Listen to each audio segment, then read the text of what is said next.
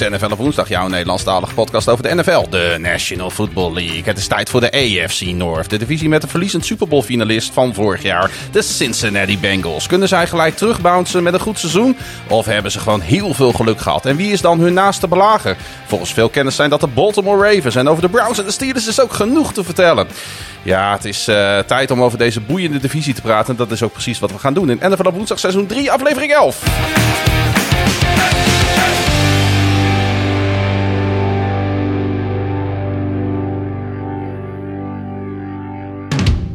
En als de techniek doet wat hij moet doen, hangt aan de andere kant van de lijn Frank. Hey, goedenavond. Kijk, en je bent uh, voor mij in ieder geval goed te verstaan. Dus ik hoop uh, dat dat uh, voor de mensen thuis ook zo is. Ik heb de apparatuur in de woonkamer neergezet. Omdat het op zolder even niet lukte. Nee. Dus nee, ik heb nou, het, hopen dat het nu goed gaat. zweet in de bil na het staan. Maar uh, het is natuurlijk de bedoeling dat wij de AFC North gaan uh, voorbeschouwen, Frank. Voor de mensen die jou nog niet kennen, omdat ze nou ja, misschien wel nieuwe luisteraars zijn van onze mooie podcast. Misschien kun je even heel kort jezelf voorstellen. Ja, ik ben Frank, 33 jaar. Ik woon in Tilburg. En ben al 20 jaar, ruim 20 jaar fan van de Baltimore Ravens. En samen met jou medeoprichter van de Dutch Ravens vlog. Dus uh, ja, heel veel op met, uh, met de AFC North. Ja, een mooie groep mensen. We groeien uh, nog steeds gestaag. Ja, precies. Ook weer nieuwe leden bijgekregen vorige week. Dus mensen die pre-season toch in één keer berichtjes gaan sturen naar ons van hey, leuke groep. Dus jij blijft groeien. Ja, dat is uh, mooi om te zien. Dat betekent ook dat de sport in Nederland aan het groeien is. Steeds meer aandacht natuurlijk voor de NFL en voor American football. En het is natuurlijk ook de mooiste sport van allemaal. hey, uh, er is wel wat bijzonders uh, aan de hand, Frank. Vertel. Nou ja, we gaan nu deze podcast opnemen. En het is nu, hè, dat mogen de mensen best weten, wat is het, een dinsdagavond. En dat ja. betekent dat deze podcast ergens van het weekend online komt. En op dit moment ben jij uh, nog niet getrouwd, maar het moment dat deze podcast online komt, ben je dat wel. Ja, dat klopt. En Vrijdag is... De, is de grote dag, zoals de ja. vaste luisteraar van deze podcast inmiddels wel weet. Want het aantal dwarsverbanden uh, is nog altijd groeiende. Ook met de EFC South podcast die je hebt opgenomen, waarbij een uh, gast uit Minneapolis even heeft, heeft meegedaan. Colin in dit geval. ja, dus vrijdag is de grote dag. Heel ja. veel zin in. En dit is, ook het, dit is ook het laatste wat in de agenda staat. Dus morgen, overmorgen heb ik eigenlijk, uh, eigenlijk vrij om uh, uitgerust uh, toe te leven naar vrijdag. Ja, ik heb er ook heel veel zin in, want ik ben degene die jou en je verloofde in de echt mag, ver, mag verbinden. Ja, mooi hè. Dus dat is wie spannend. Wie had dat ooit gedacht? Een spannende dag voor ons allebei. dat is het eigenlijk hè. ja, dat klopt. Dat klopt. Ja, gewoon ontzettend veel zin in. En uh, heel blij en uh, trots dat jij degene bent die dat. Uh, ja, die het huwelijk mag voltrekken. Die het heeft gedaan. Want dat is namelijk aan de orde als deze podcast online staat. Hey, dat klopt, ik al twee dagen getrouwd. Niet genoeg daarover. schot voor de boeg van jouw kant. Iets wat ik in iedere podcast vraag deze divisie, die AFC North. Wat verwacht jij van de vier teams in deze divisie? Uh, de Bengals, de Ravens, de Steelers en de Browns. Ik verwacht dat het de minst voorspelbare divisie van de NFL gaat zijn. Dat was het uh, vorig jaar ook. Mm -hmm. Met echt twee wedstrijden verschil uit mijn hoofd tussen de, de Baltimore Ravens die vierde werden en de Bengals die de divisie wonnen. ik verwacht ook dat er geen wildcard uit die divisie komt. Okay. Omdat teams toch voldoende wedstrijdjes van elkaar gaan, gaan afsnoepen. En een van de dingen die uiteindelijk doorslaggevend gaat zijn, is het significant gemakkelijkere schema van de Baltimore Ravens. Die uh, door de vierde plek een heel andere uh, scala aan teams gaan treffen dan bijvoorbeeld de Bengals, de Steelers en de Browns. Klinkt wel raar hè, de Ravens op de vierde plek in deze divisie. Ja, en toch, toch is het zo. En dat, heeft mede te maken met blessures, maar ook met een uh, aantal andere dingen die we zo, waar we zo vast nog even dieper op ingaan. Ja, dit is ook het uh, team waar we als eerste over gaan praten en ik uh, ga ze even inleiden. In de laatste pre-season wedstrijd van vorig seizoen scheurde running back J.K. Dobbins zijn ACL na het vangen van een screen pass. Verschrikkelijk nieuws voor dit run-heavy team, maar blessures gebeuren nou eenmaal. Toen kon echter niemand bevroeden dat deze blessure de start zou zijn van een ongekende reeks aan blessureleed en pech. En dat ook het seizoen van de Ravens zou verpesten. Zeker voor de Ravens betekent een nieuw jaar, nieuwe kansen. Ja, het is altijd mooi om die erin te gooien, maar bij de Ravens is hij wel uh, van pas, denk ik. Uh, op, van toepassing, moet ik eigenlijk zeggen. Ja, en, en het, ik, uh... ja, en het bleef niet bij Dobbins, hè Frank? Nee, de, de, de Ravens. Natuurlijk, het is gemakkelijk om naar blessures te wijzen. Dat doen heel veel teams altijd. Maar de Ravens hebben afgelopen jaar uh, de NFL geleid in een, in een statistiek die ik heb gevonden. Dat heet de Adjusted Games Lost Metric. Ja. Ze gaan kijken hoeveel wedstrijden je hebt verloren door, door spelers uh, die je eigenlijk mist. Die je in een normaal team wel had gehad, gehad. En de Ravens hebben de meeste blessures aller tijden gehad. Uh, iets iets meer dan 191,2 hè? ja, ja, games lost. En uh, daarmee verslaan ze het Bears team uit, uit 2016. Ja. Uh, maar gewoon de, de meeste blessures ooit gemeten. Uh, en het feit dat ze daarmee eigenlijk nog een, een negentiende team in de NFL waren qua aangepaste statistieken. Dat, dat DVOA noemen ze dat. met min 2,7% is eigenlijk gewoon bewonderenswaardig. Uh, dus dat is in dit geval zeker iets waar de Ravens naar, naar mogen wijzen. Uh, al vertelt het natuurlijk niet het, het hele verhaal van 2021. Nee, nog even terugkomend op die blessures. Uh, tijdens een training op 9 september gingen volgens mij een paar minuten na elkaar ook de ACL's van cornerback Marcus Peters en Gus Edwards doormidden. En ja. toen was de Jinx uh, toch echt wel compleet. Want aan het einde van het seizoen stonden er volgens mij 25 Ravens op injured reserve. Waaronder Lamar Jackson. Um, ja, dat is ongelooflijk.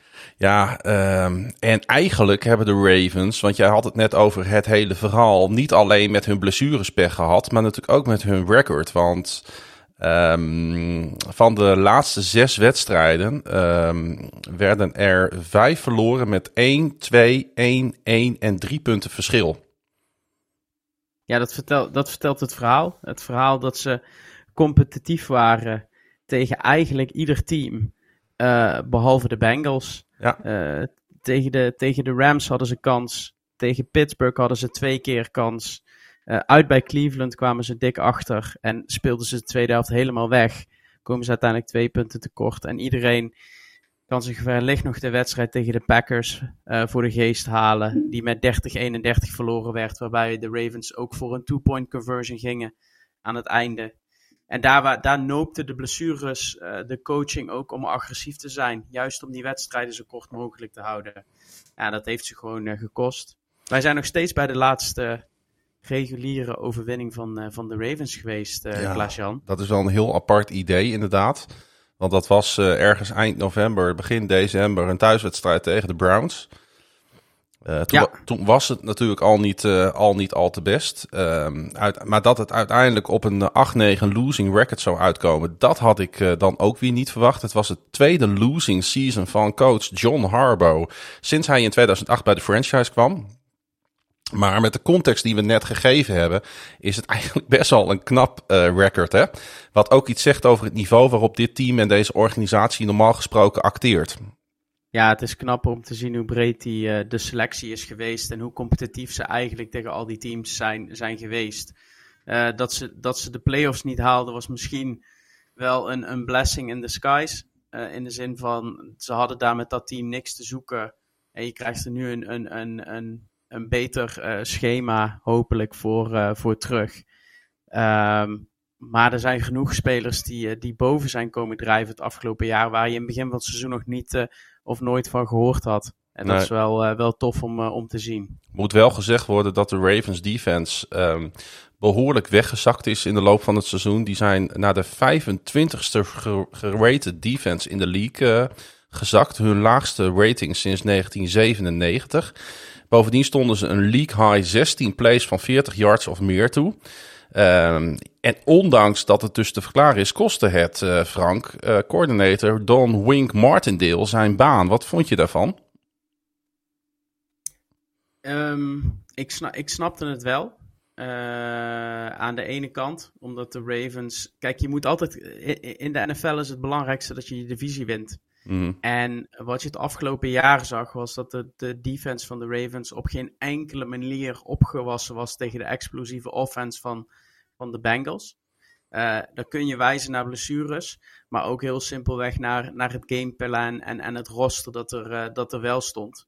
Um, ik denk alleen de grote vraag die bij heel veel Ravens-fans leefde was waarom ze de defensive coordinator ontslagen hebben en de offensive coordinator hebben laten zitten omdat daar juist ook vanuit de meer ingevoerde journalisten veel meer kritiek op was. Uh, maar die mag wel nog een jaartje door. En ik denk dat dat een beetje is wat, wat wringt Ja. met het wegsturen van, eh van Martindale. Die nu in, eh, volgens mij is het goed is, bij de, bij de New York Giants eh, Ja. terecht is gekomen. Klopt, je zou bijna denken, wat eh, moet Greg Roman, eh, want daar hebben we het over, de offensive coordinator, allemaal misdoen in Baltimore om ontslagen te worden. Aan de andere kant, als je kijkt naar de cijfers van Lamar Jackson van vorig seizoen, voordat hij er met een enkel blessure season ending van afging, hij was op weg naar een 4000 plus passing en een 1000 plus rushing season. En als dat dan een minder jaar van Lamar is, ja, dan kunnen we daar denk ik allemaal wel oké mee zijn in Baltimore. Ja, aan de ene kant wel. Ik denk dat mensen eh, over het algemeen eh, best tevreden zijn over wat Lamar laat zien. Maar als je echt beter naar de statistieken gaat kijken, en dat heb ik voor deze aflevering eens een keer gedaan, dan ben ik toch wel geschrokken. Eh, Lamar haalt zijn, zijn passing yards en ook zijn rushing yards heel vaak tegen, tegen vier rushers. Dus als er geen sprake is van een, enige vorm van blitz, want dat is vanaf vijf pass rushers of meer. Mhm. Ehm, en de tweede, en dat, dat, dat zouden mensen best eens moeten terugkijken. Eh, de tweede, de wedstrijd tegen de Miami Dolphins. En dat was in week 10 uit op Thursday Night Football. Dat was eigenlijk het breekpunt in het seizoen. Omdat Miami eigenlijk er niet van uitging dat ze een kans hadden in die wedstrijd. Ze begonnen ook met eh, Jacoby Brissett als een backup quarterback. En eh, het gameplan was eigenlijk alleen maar man coverage en blitz tegen Lamar. En Lamar was eigenlijk waardeloos. En daar is eigenlijk het gameplan neergelegd waarbij Miami de tweede helft ook Tua ging brengen. Terwijl hij eigenlijk nog geblesseerd was. Maar ze zagen dat ze konden winnen. En is eigenlijk die hele Lamar tegen man coverage en de blitz eh, hype begonnen. En Lamar is significant slechter als hij tegen vijf of zes pass rushers speelt. Eh, dan schiet zijn DVOA schiet echt mijlenver omlaag. Hij is na Andy Dalton dan ook het meeste geblitst van alle QB's in de league met meer dan 200 passes. Omdat verdedigingen op een gegeven moment door hadden dat als ze dat deden, consequent bijna, dat hij daar geen antwoord op had. En tegen man coverage was Lamar de allerslechtste quarterback in de laatste drie seizoenen in de NFL die tenminste 300 snaps under center heeft genomen. Um, dus je ziet bij Lamar Jackson dat hij eigenlijk vlak voordat hij blesseerd raakte, eigenlijk al exposed was. En dat hij echt hele slechte dingen liet zien. Mm. Um, maar juist zich daar in het begin van het seizoen altijd nog uitwerkte met zijn Houdini acts tegen de Colts en uh, tegen Detroit en tegen Kansas City. Maar op het einde kwam hij er eigenlijk niet meer mee weg. En ik ben heel benieuwd, um, buiten zijn hele contractsituatie, hoe hij het komend jaar daar een antwoord op heeft. Want het lijkt namelijk op dit moment heel eenvoudig om Lamar Jackson onschadelijk te maken als tegenstander van de Baltimore Ravens. Maar heb je het dan over uh, alleen Lamar Jackson of had dat vorig jaar ook voor een groot deel met de O-line te maken? Of is dit iets wat je al over de periode van drie jaar ziet? Want hij heeft natuurlijk ook een MVP-seizoen in 2019 achter de rug. Dat klopt, dat klopt. Nee, je kan het een niet loszien van het ander. Um, alleen wat ik in het begin ook zei, het is te gemakkelijk om alleen naar die blessures te kijken. En ik vind het ook mooi om juist als fan ook heel kritisch naar Lamar te zijn. En te mm -hmm. kijken waar zijn, is, presteert hij nou echt significant slechter op dan op, uh, dan op andere dingen. En dit zijn typisch zaken die je niet leest in de standaard artikelen. Waar iedereen het altijd heeft over ja, Lamar dit. En, en dat Lamar geen, geen constante quarterback is. Maar er zijn gewoon een aantal formaties als verdediging waar hij dus blijkbaar geen antwoord op had. En ja, een betere O-line zal daar uh, zeker bij helpen. Ja, en natuurlijk uh, uh, moet Greg Roman daar samen met John Harbaugh ook antwoorden op gaan vinden in de schemes die de Ravens gaan neerzetten. Ja. Ehm, en ik hoop dat ze daaraan hebben gewerkt deze zomer. Uh, laten we eens even kijken naar de andere kant van de bal. Want um, waar de Ravens mijns inziens uitstekend... Um, uh, laat ik het zo zeggen. Ik heb het idee dat de Ravens heel goed inzien... dat de safety positie in het huidige NFL-landschap... steeds belangrijker is geworden. je ziet natuurlijk dat ook uh, quarterbacks zijn geëvolueerd. Dus is de positie van safety ook veranderd. En daar haalden ze voormalig New Orleans Saints, uh, Saint Marcus Williams voor 5 jaar 70 miljoen. En ze gingen in de draft gingen ze voor Notre Dame's Kyle Hamilton, die tot ieders verrassing zomaar in de schoot van Baltimore viel met de 14e pick overall. Er waren zelfs experts die Hamilton de beste rookie van 2022 vonden. Uh, kun, kun je toelichten waarom de Ravens die safety positie zo uh, sterk willen bezetten? Nou ja, de, safety positie is een positie waar, waar je eigenlijk nooit genoeg spelers kan hebben in, uh, in de NFL. Omdat daar veel blessures zitten, maar ook veel, uh, je wil, veel wil roleren. Afhankelijk van de scheme van de, van de tegenstander. Soms ook met drie safeties wil spelen. En de Ravens hadden daar eigenlijk afgelopen jaar weinig tot geen, geen diepte. Tony Jefferson werd binnengehaald. Die zal menig luisteraar wel, wel kennen. Maakt een goede indruk. Chuck Clark staat er al jaren goed te doen. Ja. Maar als je dat vergelijkt met het, het cornerback duo wat we in Baltimore hebben, met Peters en Humphrey, ja, dan zijn dat toch niet de spelers waar je uiteindelijk een Super Bowl mee wint. En daarom hebben de Ravens daar gewoon heel zwaar op ingezet. Hun grootste free agent signing, wat je al zei, en, en de first round pick met Kyle Hamilton. Wat over, waar ik overigens echt hoge, hoge verwachtingen van heb. Die jongen maakt een zeer uh, volwassen indruk. En, en, en lijkt wel iemand die, die het spelletje goed, uh, al goed onder de, onder de knie heeft. Sowieso hadden de Ravens een goede draft. Want uh, volgens ESPN en Fox, uh, ik heb ze allebei even gecheckt, hadden de Ravens na de Jets de beste draft. Uh, andere top 100 picks waren center Tyler Lindebaum en edge defender David Ojabo en defensive tackle Travis Jones. Ojabo die um, herstelt momenteel van een Achillespees blessure en die zal dit seizoen nog niet eens een factor zijn, maar dat kan in december of januari eventueel nog veranderen. Um, ja, een, een, een, wat aparte uh, keuze van de Ravens. Maar toch over het algemeen wel bejubeld, hè? Ja, nou ja, de mensen die college voetbal kijken, uh, die weten allemaal dat, dat Ojabo, mits fit, gewoon in de eerste ronde was gegaan. Ja. Uh, gewoon echt een, een, een geweldige linebacker die ja, met, met eerste ronde potentieel die nu tweede ronde gaat. Had er ook even wat moeite mee om ook tweede ronde uh, money te nemen in zijn rookiecontract. Hm. de allerlaatste draftpick die, die zijn contract tekende. Uh, laat ook wel zien dat hij zichzelf ook echt ziet als een first round pick. Um, ja, eh, geweldige speler van Michigan. En ik denk dat de Ravens daar een gok nemen, absoluut. Maar wel eentje die uh, zeer te verantwoorden is. Juist omdat ze met, met Hamilton Um, maar ook met, um, met uh, uh, Amar Davis gewoon hele goede picks maken. En Trevor Jones natuurlijk van, van Yukon op de, op de defense. Dus ja, al met al, maar dat is eigenlijk altijd in Baltimore. Uh, die draft, daar, daar ligt het nooit aan. Dan weten ze wel hoe ze dat moeten doen daar. Hey, moeten we het even over de passwords hebben? Uh, nou ja, eh, liever niet. Nee, maar, uh... want uh, vorig jaar dramatisch slecht en dit jaar niet heel veel beter, vrees ik. Gelukkig tekende Justin Houston ondertussen 33 jaar nog een jaartje bij. Hij kwam tot 4,5 seks afgelopen jaar. niet heel erg goed. Um, is het dan gewoon niet gelukt om deze position groep beter te maken? dat ja, dat is moeilijk. Uh, ik denk dat, dat Travis Jones, als, maar dat is dan meer een nose tackle, heel belangrijk is voor de, voor de balans. Ook dat Michael Pierce teruggekomen is. Ja. Maar met, met, als we puur kijken naar de, naar de edge rush, zien we dat, dat Bowser nog geblesseerd is. Beagle is ook geblesseerd geraakt. Um, en zit je met uh, Madubuike, die, die gewoon een career year moet gaan hebben die het echt eens moet gaan, gaan waarmaken. En natuurlijk aan de andere kant met een, een Odafe Owe en een Justin Houston. Ja, waarbij Justin Houston kun je afvragen, wat heeft hij nog in de tank? Is hij, heeft hij nog een jaar in zich om, om buiten zijn ervaring echt iets toe te voegen op pass rush? En Owe, daar wordt heel veel van verwacht. Was begin vorig jaar echt een revelatie, viel daarna wel iets wat weg. Het is een, het is een positie met veel jong talent. Kan er allemaal uitkomen. Um, maar het is nog geen garantie dat dat dit jaar ook gaat, uh, gaat gebeuren. Nee. Het aantal hartverscheurende verliezen uh, bleef wel een beetje beperkt volgens mij in, in Baltimore. Center Bradley Bozeman is een hele fijne gozer, maar stond niet altijd op scherp.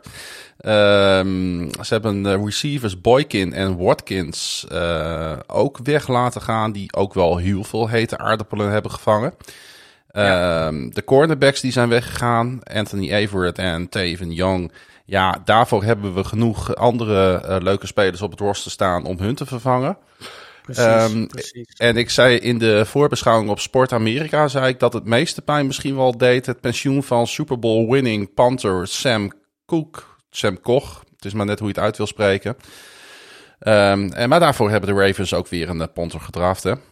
Nou ja, dat, dat deden de Ravens dus heel mooi. Uh, Koch die nam pas, uh, ging pas met pensioen één of twee weken na de draft. Omdat de Ravens wisten dat ze Stout, Jordan Stout wilden wilde draften als punter uh, van Penn State. En daardoor moest uh, moest hij op het roster blijven en daarna pas zijn, uh, zijn pensioen aankondigen. Mm -hmm. Omdat ze dan veel verkapter hem konden binnenhalen in, in de draft. En dat hebben ze in ronde 4 ook gedaan. Echte Klaas-Jan Terveen we maar zeggen. Gewoon in ronde 4 voor een, voor een punter gaan. Ja, maar deze jongen is wel... Ik heb hem vorige week ook gezien tijdens de preseason game. hij lijkt wel echt de real deal als het gaat om punten. Sowieso een hele vette ontwikkeling in de NFL om te zien hoeveel beter uh, de punters, de long snappers en de kickers aan het worden zijn uh, ten opzichte van tien jaar geleden. En hoeveel serieuzer daar in de draft tegenwoordig naar, uh, naar gekeken wordt. Ja, even los van het sportieve, Frank. kun je uitleggen wat de Baltimore Ravens voor jou betekenen persoonlijk? Voor mij? Ja. Ja, dat, dat heel veel. Ik ben er dagelijks mee, mee bezig. Ik, ik volg het hele roster. Alle, alle 90 spelers ben ik nu, heb ik in kaart voor mezelf. Ja, jullie binnen de, de vlog weten dat natuurlijk. Sowieso is dat leuk om tijdens preseason nu eens een keer te doen. Als je fan bent van een team, ga eens, al die, ga zo'n depth chart erbij pakken. En ga eens kijken waar de cuts plaatsvinden, welke spelers goed spelen. Uh, want als je zo'n roster inzichtelijk hebt, met ook de third string, de fourth string, dat soort spelers, de rookies, dan kun je ook veel leuker naar die preseason games kijken. Want dan zie je namelijk waarom ze snaps krijgen en hoe ze er, uh, ervoor staan. Maar ja, ik kan, ik kan persoonlijk niet wachten op het, uh, op het seizoen. Ik, uh, ja, de Ravens zijn voor mij, voor mij heel belangrijk. Ja, insgelijks. Dat is voor mij natuurlijk ook zo. Maar goed, uh, doordat, doordat, ja, ik moet wel zeggen dat jij zit er nog dieper in dan ik dat doe. Maar dat komt ook omdat ik al die andere teams moet uh, bestuderen voor de podcast. dus ik ben heel, ja, blij, uh, ik ben heel blij dat jij dat voor ons, voor ons ja, doet. En dan, maar dat, dat, dat zou ik dus echt ook iedere NFL-fan gewoon eens willen aan, aanraden. Om juist nu in augustus ja. een keer te doen. Ga eens een keertje uittekenen. Ga eens kijken wie waar vandaan is gekomen. en dan zie je nu met de cuts die vanaf vandaag moeten plaatsvinden. Of ja, afgelopen dinsdag, want het is natuurlijk zondag, die moesten plaatsvinden. Uh, dan ga je ook snappen waarom, uh, hoe zo'n roster tot stand komt. En ga je juist met veel meer plezier gedurende het seizoen ook kijken uh, hoe dat team tot stand is gekomen, wat je op een gegeven moment voor je hebt. Ja. Dus ja, ik, ik, beleef, ik beleef ook aan het preseason al ontzettend veel plezier. Ja, hey, um, we hebben natuurlijk ook nog de contractsituatie van, uh, van Lamar Jackson. Uh, we weten niet hoe dat gaat en we weten niet, uh, hè, als deze aflevering ja, is... online komt, hoe de situatie dan is. Nee, dus, de, dus er dat... is vanmiddag een artikel geplaatst mm -hmm. van Jeff Seabrook, de, de, de, de beatwriter van de Athletic, dat ze proberen er de komende vier weken uit te komen. Is dat niet zo, dan gaat Lamar op de, op de fifth year option spelen. En gaan ze pas in het, uh, in het volgende offseason uh, verder. Het zou wat zijn als het niet lukt. Dat zou toch eigenlijk ook voor, gewoon voor Lamar Jackson zelf zou dat een hele slechte uitkomst zijn, zou je zeggen. Ja, alleen ik heb ergens nog wel echt het idee dat, dat, dat die.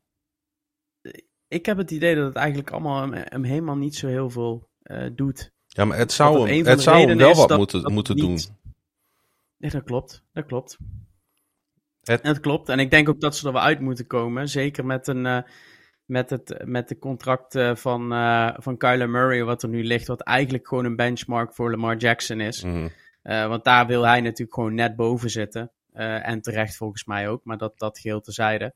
Um, dus ja, die benchmark die ligt er. het is de vraag hoe ze het dan gaan, gaan, gaan uitsmeren. En over hoeveel jaren dat ze het willen doen. Maar dat die teams allebei een lang contract voor Lamar Jackson willen, dat is wel duidelijk. volgens mij heeft Lamar Jackson nu 49 wedstrijden voor de Ravens gespeeld. Uh, daarvan heeft hij de 37 gewonnen en 12 verloren. Dus ondanks dat er nog heel veel criticasters op Lamar zijn, kun je natuurlijk helemaal niets van zijn uh, record zeggen. Uh, de Ravens hebben natuurlijk ook de keuze gemaakt om vol in te zetten op een, ja, we kunnen, laten we het een creatieve offense rond de run game noemen.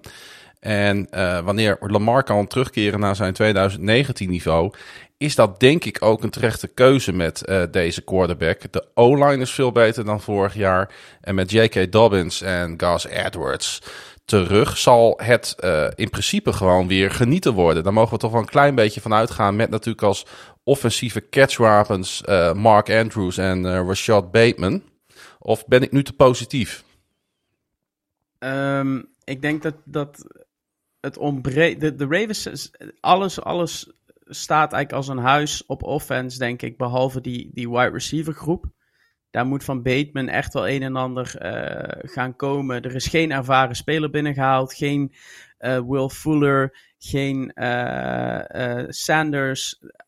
Er wordt helemaal. Er is nog niks toegevoegd. Alleen Hollywood is, is vertrokken. En het wat we nog niet benoemd hebben, is eigenlijk de terugkeer van Ronnie Stanley als left tackle. Die is vorig jaar eruit geweest. Het jaar daarvoor eigenlijk ook bijna niks gespeeld. Vorig jaar één potje volgens mij uit bij de Raiders. Als hij terug kan komen, heb je veel meer ruimte voor de rest van de spelers om de rest van die O-line uh, neer te zetten. En denk ik dat de Ravens ook met één of twee tight ends veel beter aan een running game toe kunnen komen. Want de Ravens mhm. waren in 11 en 12 personnel afgelopen jaar helemaal niet sterk. Ze hadden eigenlijk drie tight ends of tenminste twee running backs nodig om de bal te kunnen rennen. Waardoor er eigenlijk helemaal geen ruimte was voor de, voor de wide receivers. Dus ik verwacht dat eigenlijk alles valt of staat bij de terugkeer van Stanley op die offense. Om die run game weer aan de praat te krijgen. En daardoor ook die wide receivers weer beter uh, over het voetlicht te krijgen. Ja. Uh, gebeurt dat, dan denk ik dat, dat de Ravens zeker meedingen om de winst in, uh, in de AFC North. Ja, als de Ravens met het blessureleed van vorig jaar 8-9 kunnen eindigen, dan zouden ze moeten kunnen rebounden met een winning uh, record. Of dat genoeg zal zijn om de Bengals achter zich te houden. Ja, dat is eigenlijk best wel lastig te voorspellen. Maar ik zou verbaasd zijn wanneer de Ravens de playoffs uh, nog een keer zouden missen. En ik denk ook dat het plafond van dit team in principe de Super Bowl is. Mits natuurlijk uh, Lamar Jackson um, in zijn prime blijft spelen en fit blijft. Wat, wat, wat is jouw voorspelling voor de Ravens voor dit jaar?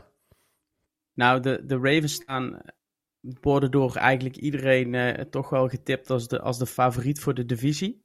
Uh, met, met, met name ook door het zwakke schema. Ik heb ze maar op 9-8.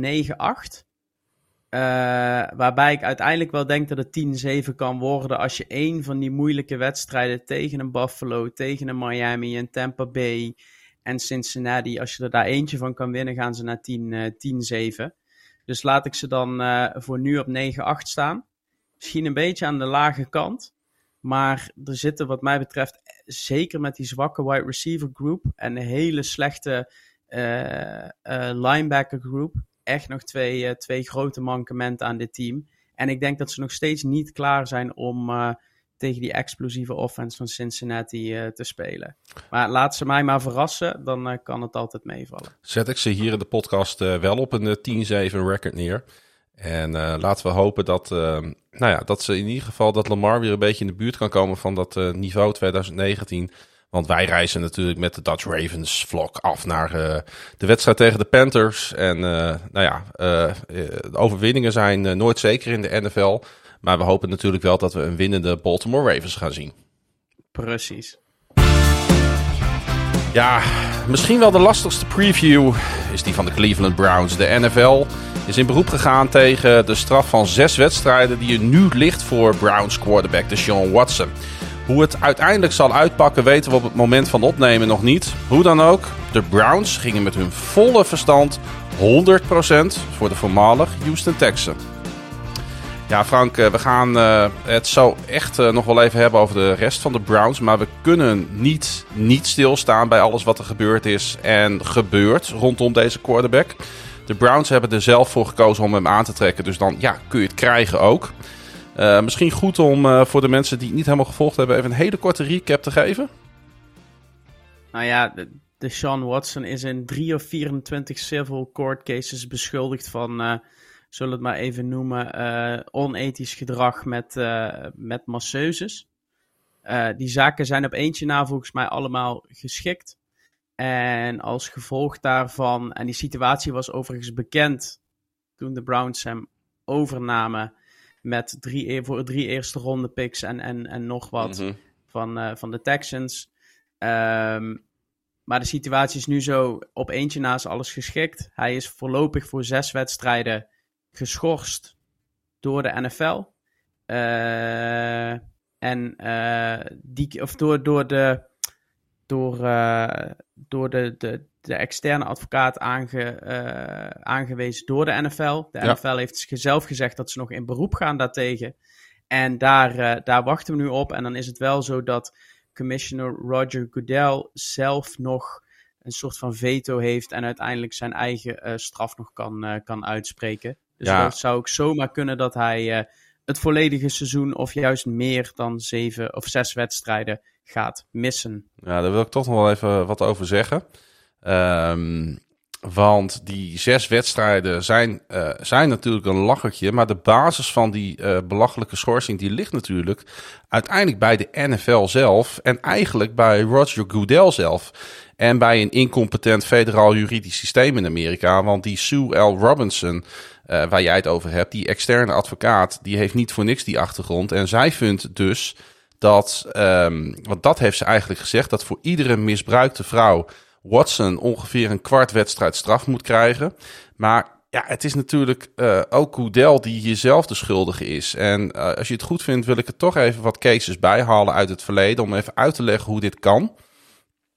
Want um, toen in 2014 Baltimore Ravens running back uh, Ray Rice zijn verloofde bewusteloos uit haar, aan haar haren de lift uitsleepte, vond Goodell dat twee wedstrijden schorsing waard.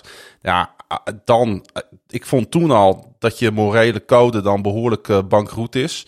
In 2006 schopte Chicago Bears cornerback Ricky Manning Jr. een man bewusteloos bij een restaurant in L.A.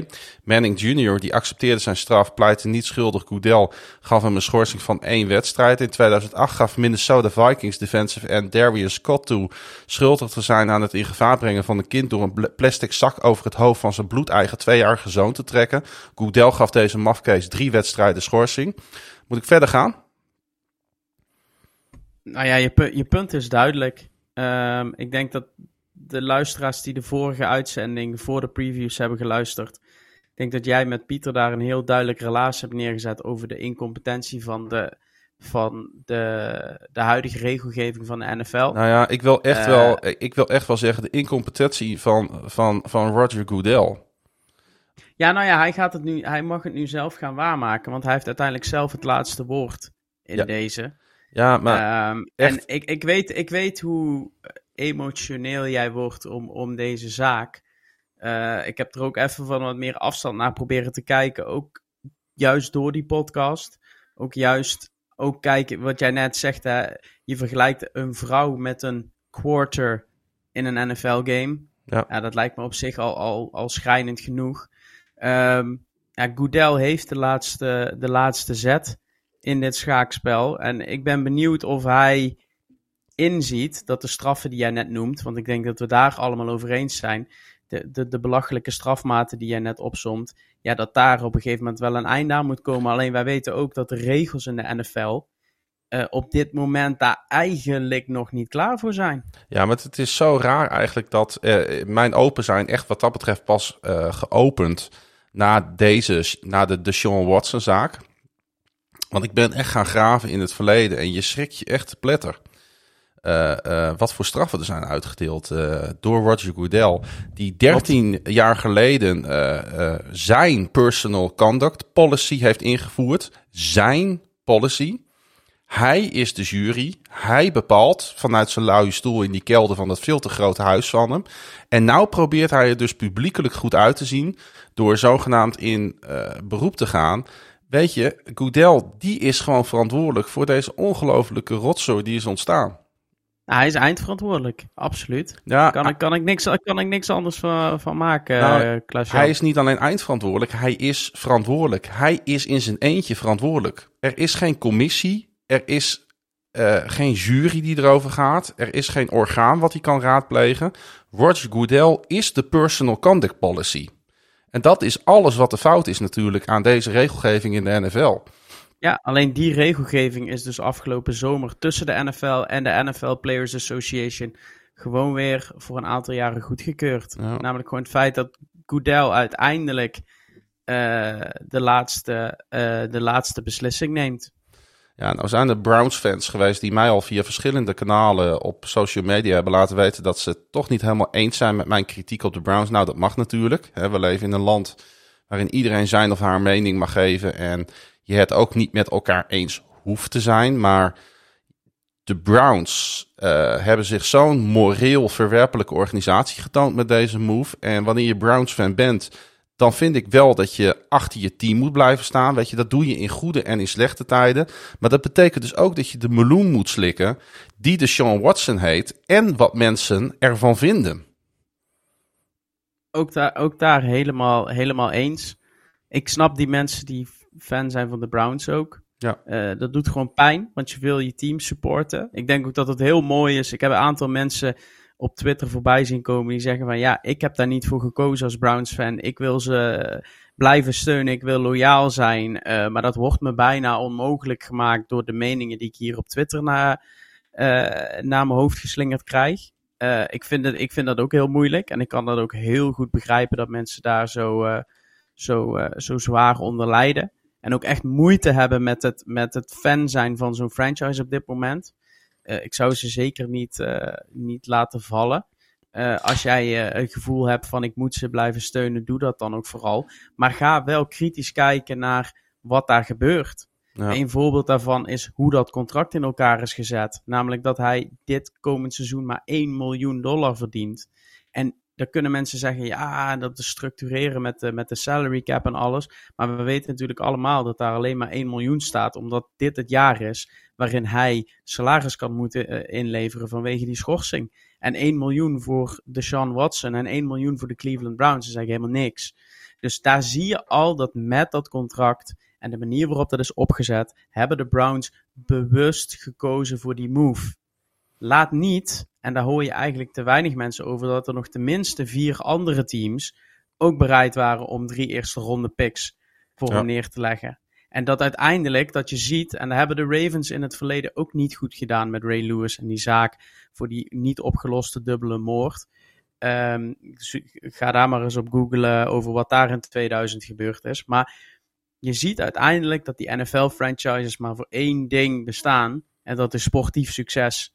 En dat blijkt nu ook maar weer, want we weten allemaal wat er gebeurt als de Sean Watson straks terug is. En hij gooit de pannen van het dak en hij gooit de Cleveland Browns naar een Super Bowl. Dan gaat hij gewoon op de platte car door Cleveland. En dan is hij gewoon de held van de stad. Uh, want zo kortzichtig uh, zijn de gemiddelde fans nou helemaal. En ik, ik verwacht dat de Browns anticiperen op het korte termijn geheugen van de gemiddelde fan. Ja, dat denk ik ook dat ze dat doen. Uh, ze moesten daar wel oogkleppen voor opzetten natuurlijk. En uh, het nieuwe gezicht van hun franchise 230 miljoen dollar over vijf jaar geven. Um, ja, en het zou natuurlijk inderdaad kunnen dat, uh, dat de Sean Watson uh, er week 7 gewoon weer staat. En dan is het inderdaad snel vergeten bij de fans in Cleveland, zeker als er gewonnen ja. wordt. Ik wil wel zeggen, ook tegen de Browns fans die, die luisteren, weet je, um, zij worden niet geïdentificeerd door het gedrag van een ander. Dat is iets in het algemeen. Weet je, ik ben niet verantwoordelijk voor het gedrag van een ander en het, en het zou ook niet op mij mogen afstralen. Weet je, die mensen hebben ook, zoals wij, ooit een team gekozen, om wat voor reden dan ook, zijn dat, zijn dat team gaan volgen en zijn van dat team gaan houden. En dat daar in dat team, uh, bij dat team iets gebeurt waar zij geen invloed op hebben, dat identificeert op geen enkele manier die fans hier in Nederland van de Browns. Nee, nee. En wat, wat, ik, wat gewoon heel belangrijk is, is in deze situatie, juist wat jullie ook in die vorige podcast deden, ga gewoon eens naar die regels kijken. En ga jezelf eens even afvragen van klopt het nu? Want hier komt dadelijk een straf uit, die is blijkbaar in lijn met wat er is afgesproken. Of dat nou 6 of 17 wedstrijden is. Maar ga vooral voor jezelf eens na van wat, wat doet dit met mij? En, en het is helemaal niet erg om kritisch te zijn op je, op je eigen franchise. En dat, dat wil ook niet zeggen dat je niet meer voor die franchise kan juichen of, of erachter kan staan. Maar hou wel, ja, hou wel gewoon uh, uh, de eer aan jezelf daarin. En, en, en ga niet mee met uh, allemaal meningen die over het, over het internet vliegen. Ja. En mensen mogen het ook met mij oneens zijn, hè, voor de goede orde. Dat vind ik helemaal niet erg. Maar goed, dit... hebben, wij, hebben jij en ik al vaak genoemd. Ja, maar dit is, dit, is wel, dit is wel hoe ik erover denk. En ik vind het gewoon moreel verwerpelijk. En uh, uh, het, more ja, het morele is sowieso flinterdun in de NFL natuurlijk, hè? Ja, en wij hadden het er ook over. Mm -hmm. Want dat, dat, dat uh, vergeten mensen, denk ik. Of dat, dat zullen mensen niet zo snel over jou zeggen. Maar dat kan ik wel bevestigen zonder dat het is gebeurd. Jij vindt dit erg hoe het bij de Browns gaat als dit bij de Ravens zou gebeuren, dan weet ik niet hoeveel, hoe, hoe, in, welke, in welke staat ik jou zou, uh, zou aantreffen. Dus het heeft niks te maken met het feit dat dit nu onze rival Cleveland Browns zijn. Uh, want als dit de Ravens zouden zijn, dan zou ik jou echt onder een tafel vandaan moeten, moeten halen, denk ik. En dan zou jij in zak en as uh, thuis zitten. Ja, dan had ik geen zin meer in deze podcast gehad. Dat kan ik je wel vertellen. Precies. Uh, nou, laten we het over leuke dingen gaan nou hebben. Nou ja, want, sportief. Uh, sportief, nou ja, maar ik vind het, weet je... Nee, nee, nee, wil, dat is heel belangrijk ik hoor. Wil, maar, uh, dat gaan we nu ook doen, exact. Maar ik wil hier niet omheen. Want ik, ik ga niet iets niet zeggen om, om... En ik ga niet doen alsof iets niet gebeurd is. Daar, daar hou ik gewoon niet van. Uh, sportief is het natuurlijk wel te verklaren. Hè? De Browns die bouwen al een tijdje aan een championship roster. Dat zo zou je het wel kunnen noemen. En hebben nog, alleen ze hebben nog maar één playoff win over de afgelopen jaren. Waarmee ze een beetje sier kunnen maken. Even leek natuurlijk Mayfield het antwoord. Maar de Browns zagen het dus overduidelijk toch niet in hem zitten. En ze gaven hem weg aan de Panthers. Nou ja, weggeven. Ze, moesten dit jaar nog, ze moeten dit jaar nog wel even 10,5 miljoen van zijn salaris ophoesten. Uh, ja, en de rest van het roster, uh, Frank, is natuurlijk prima. Ja, prima is een, een understatement. Ik denk als iedereen fit is, met Deshaun Watson onder center, heb je hier het, het beste Cleveland Browns team in de afgelopen twee decennia staan. En dat is, ja, dan kun je de grap maken, dat is misschien niet zo'n hele prestatie. Maar als je kijkt hoe zij de afgelopen vijf seizoenen, ieder seizoen eigenlijk sterker zijn geworden, ja, dan daar, daar kunnen we denk ik niet, uh, niet omheen. Uh, Ze hebben één positie op de offense. Um, wat een zorgenkindje is, ook sinds vanmiddag. Want uh, de, de eerste twee centers die zijn, zijn uitgevallen. waaronder die, die Nick Harris, die ze net hadden, hadden binnengehaald. Um, dus ja, om nou even nog de vraag wie de quarterback is, of dat Jacoby Brissett is of Deshaun Watson. center is een, is een enorm gat in het, in het roster op, op dit moment. Zou natuurlijk ook wat kunnen betekenen voor de run game. Met Nick Chubb hebben ze natuurlijk een geweldige running back. Ja. Maar de inside van de O-line is dus uh, zwakker geworden. Wat ook weer zijn effect natuurlijk op uh, Nick Chubb kan hebben. Ja, klopt. Nou, de, de, dat, dat gaat zeker effect hebben. Uh, ook de onrust in die, in, die, in die running back room met Kareem Hunt. Die om een, om een trade gevraagd heeft. Nou, de vraag is, wil hij echt een trade of wil hij een ander contract of, of iets anders? meer snaps? Ik, ik weet het niet. Uh, maar met Chubb en Kareem Hunt, als ze er staan, hebben ze een, een fantastische uh, one-two punch. Misschien wel de, de beste in de NFL. En toen ik de podcast aan het voorbereiden was, zag ik ook dat die, uh, dat die Ernest Johnson, de derde running back op, ja. het, op hun roster, eigenlijk hun tweede running back is. Ja, die had toch één, één zo geweldige pot vorig jaar? Ja, maar die, had, die, die heeft echt, uh, echt boven verwachting goed, ge, goed gepresteerd. Ja, klopt. Op, uh, op running back, net als dat uh, Donovan Peoples-Jones dat als, als wide receiver heeft gedaan, als WR2. Dus ik, ik verwacht eigenlijk wel veel van die skill position players in, in, in, um, in Cleveland. En dan hebben we het nog niet gehad over ja, je kan, als je het mij vraagt, wat is nou de steel van het offseason? Dan heb je natuurlijk AJ Brown in Philadelphia. Daar moest nog wel wat voor opgegeven worden. Ik denk dat je de naam uh, van Mary Cooper gaat noemen. Maar een Mary Cooper Ja. voor eh, een vijfde ronde en een uitruil van zesde ronde picks binnenhalen. 15 miljoen salaris omturnen in een signing bonus van zijn 100 miljoen contract. Terwijl de Cowboys met hun huidige roster en hun huidige sa- salarishuis hem eigenlijk gemakkelijk hadden kunnen behouden. Ja, dat is een absolute steal. Ik denk als, als ze die in Baltimore eh, eh, gehad zouden hebben. Want hij is gekomen volgens mij voor Watson nog. Ehm, ja, met Amari Cooper hebben de, hebben de, de, de Browns in mijn ogen echt een steal en een, en een fantastische WR1 eh, binnengehaald. Ehm, en eigenlijk een van de allerbeste transacties van de, van de zomer gedaan. Dus ja, aan de, aan de offensive kant eh, buiten center, waar ze nu nog vier weken voor hebben om het, om het te fixen, ehm, zie, ik, zie ik eigenlijk geen zwaktes, eh, mits eh de Sean Watson gaat spelen. Ik ben ook nog heel even in Brissett gedoken, die eigenlijk afgelopen jaar eh, heel erg onderpresteerde. Hij heeft, eh, even kijken, hij heeft een wedstrijdje of vijf gespeeld. Ik heb het hier ergens staan. Ehm 243 snaps, 5 TD's, 4 intercepties en een, en een DVOA van min 22,9%.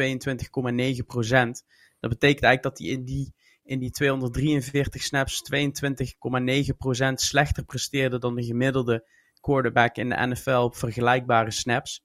Ehm, dus ja, eigenlijk, het, het is een, een betrouwbare backup volgens velen. Maar misschien is hij nog wel niet eens zo goed als dat Baker Mayfield eh, is. Dus ik, ja, ik denk dat de Browns wel heel erg afhankelijk zijn van de vraag of de Sean Watson wel of niet gaat, eh, gaat spelen. En dan moet ik je eerlijk zeggen, nou de naam toch nog weer een keer valt. Eh, wat gaat de Sean Watson doen na een op zich op persoonlijk vlak uitstekend 4-12 seizoen bij de Houston Texans en een jaar niet gespeeld. Plus alle media aandacht moet ook wat met hem hebben gedaan. Alle juridische eh, toestanden. Het is natuurlijk niet gezegd dat de Sean Watson vanaf minuut 1 gelijk weer helemaal elite klaar is om de Cleveland Browns naar een eh, playoff niveau te gooien. Nee, dat klopt. Maar we weten allemaal het talent dat hij heeft. Ehm ervan uitgaande dat dat talent er nog is, heeft hij nu een beter roster dan in, in Houston. Eh, een fantastisch guard duo hebben ze daar met Betonio en Teller. Eh, ik denk met Willis en, en Conklin op de tackle posities. Ja, ik, poeh, ik, ik, eh, ik zie het wel voor me hoor. eh, met die offense. Dus ik heb er eigenlijk ik, heb er eigenlijk nog niet zo over nagedacht. eh, over de vraag dat hij het niet meer zou, zou kunnen. de Sean Watson. Ik kan me ook die wedstrijd nog herinneren op Soldier Field tegen de Bears. Toen had hij ook totaal geen O-line. Werd helemaal uit elkaar geplukt. Maar wist volgens mij uiteindelijk die wedstrijd nog wel naar zich toe te trekken. Hij liet in ieder geval belachelijke dingen zien. Dus ja, als hij nu een O-line heeft, dan ja, ben ik wel bang voor, eh voor de Sean Watson in de AFC Noord. Ja. Ze zullen in ieder geval, eh, zolang hij niet speelt, eh, toch echt moeten gaan leunen op hun run game. Hè. Vorig jaar voerden de Browns de league aan met een gemiddelde van 5,1 yards per carry. En dat zonder run-heavy quarterback, laten we dat niet vergeten.